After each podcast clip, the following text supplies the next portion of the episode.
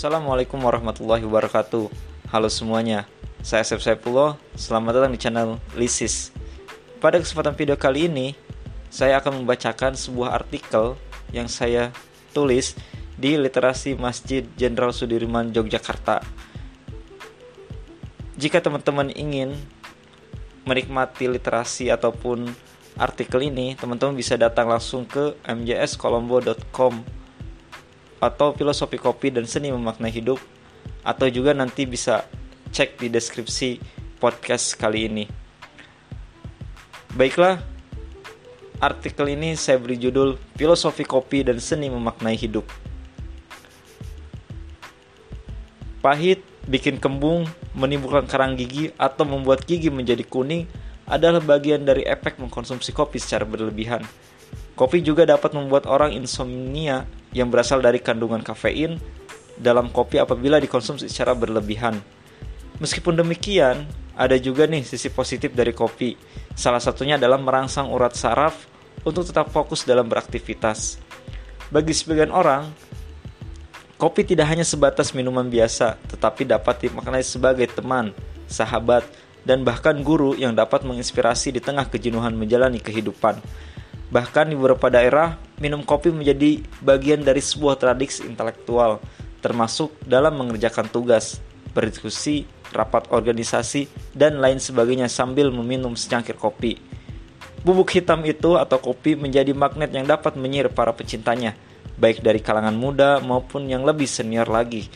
Dari kafe kekinian hingga angkringan, tak menyulutkan semangat penikmat untuk menyeruput kopi dan mampu menciptakan suasana yang hangat dan mengakrabkan karena kopi tak pernah memilih siapa yang layak untuk meminumnya sebab di hadapan senyakit kopi kita semua sama saja.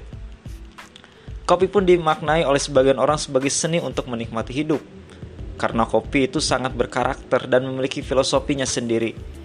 Misalnya kopi cappuccino memiliki makna bagi orang yang menyukai kelembutan sekaligus keindahan Seorang penikmat cappuccino sejati akan memandangi penampilan yang terlihat pada cangkir sebelum ia mencicipinya dan dibutuhkan standar serta penampilan yang tinggi. Bahkan tidak boleh kelihatan sembarangan. Apabila dari pandangan pertama sudah kelihatan acak-acakan dan tak terkonsep, bisa-bisa penikmat tidak mau meminumnya. Lain halnya dengan kopi satu ini, berbeda dari cappuccino namanya kopi tubruk. Ia memiliki makna yang lain lagi. Kopi tubruk bisa jadi bermakna lugu, sederhana, tapi sangat memikat apabila kita mengenalnya lebih dalam. Kopi tubruk tak memperdulikan penampilan, ia kasar dan membuatnya pun sangat cepat. Tapi tunggu dulu, sampai Anda menghirup aromanya, kedahsyatan kopi tubruk terletak pada temperatur, tekanan, dan urutan langkah pembuatan yang tepat. Semua itu akan sia-sia kalau Anda kehilangan tujuan sebenarnya, yaitu apa? Aroma dan rasa. Dalam buku Filosofi Kopi karya De Lestari, ada salah satu kopi yang melambangkan arti dari kesuksesan, yakni semacam wujud kesempurnaan hidup yang dibuat oleh Ben, seorang barista sekaligus pecinta kopi yang tergila-gila dan tersihir pada kopi. Kemudian hasil racikan dan ramuannya itu dinamai oleh Ben dengan nama Ben is Perfecto Kopi tersebut pun melambangkan kesungguhan, ambisi, dan cita-cita karena dibuat setelah Ben mendapat tantangan dari pengunjung seorang laki-laki berusia 30 tahun dengan imbalan 50 juta. Nah, di sisi lain, ada juga kopi yang dapat menciptakan suasana menjadi seger, tentrem, sabar, tenang, dan tentunya ngangenin. Namanya adalah kopi tiwus yang dibuat di pedesaan dari kopi tiwus memberikan arti bahwa sesempurna apa pun kopi yang kita buat, kopi ya tetaplah kopi, punya sisi pahit yang tak mungkin disembunyikan. Dari sanalah kehebatan kopi tiwus, memberikan sisi pahit yang membuat kita mampu mundur selangkah untuk maju 10 langkah. Seni adalah sesuatu yang harus dipelajari terlebih dahulu, kemudian dipahami dan dipraktekkan dalam kehidupan sehari-hari. Tak hanya berhenti pada ranah teori, tapi berlanjut pada ranah aksi. Begitu juga dengan makna hidup, bukan hanya pengertian tentang makna, tapi bagaimana mampu memaknai.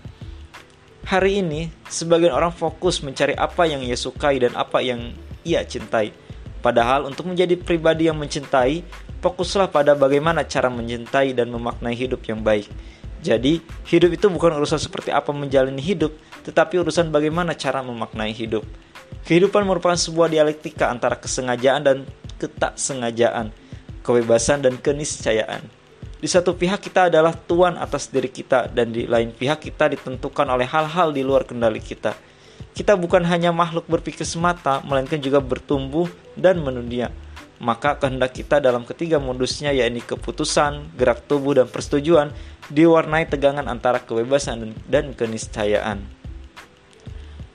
Filosofi kopi dan seni menikmati hidup merupakan dua sisi yang secara tidak langsung memiliki relevansi yang saling terhubung satu sama lain. Dari secangkir kopi yang sudah kita jelaskan dari awal, dapat menangkap makna dan arti dari menjalani kehidupan.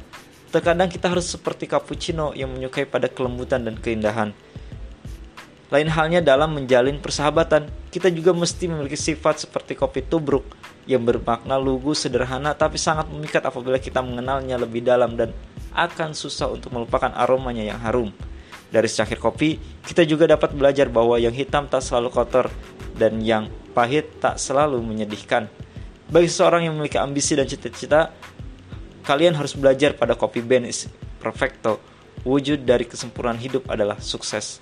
Apa pun arti yang kita temui dan maknai dari secangkir kopi, kopi tetaplah kopi, punya sisi pahit yang tak mungkin bisa disembunyikan.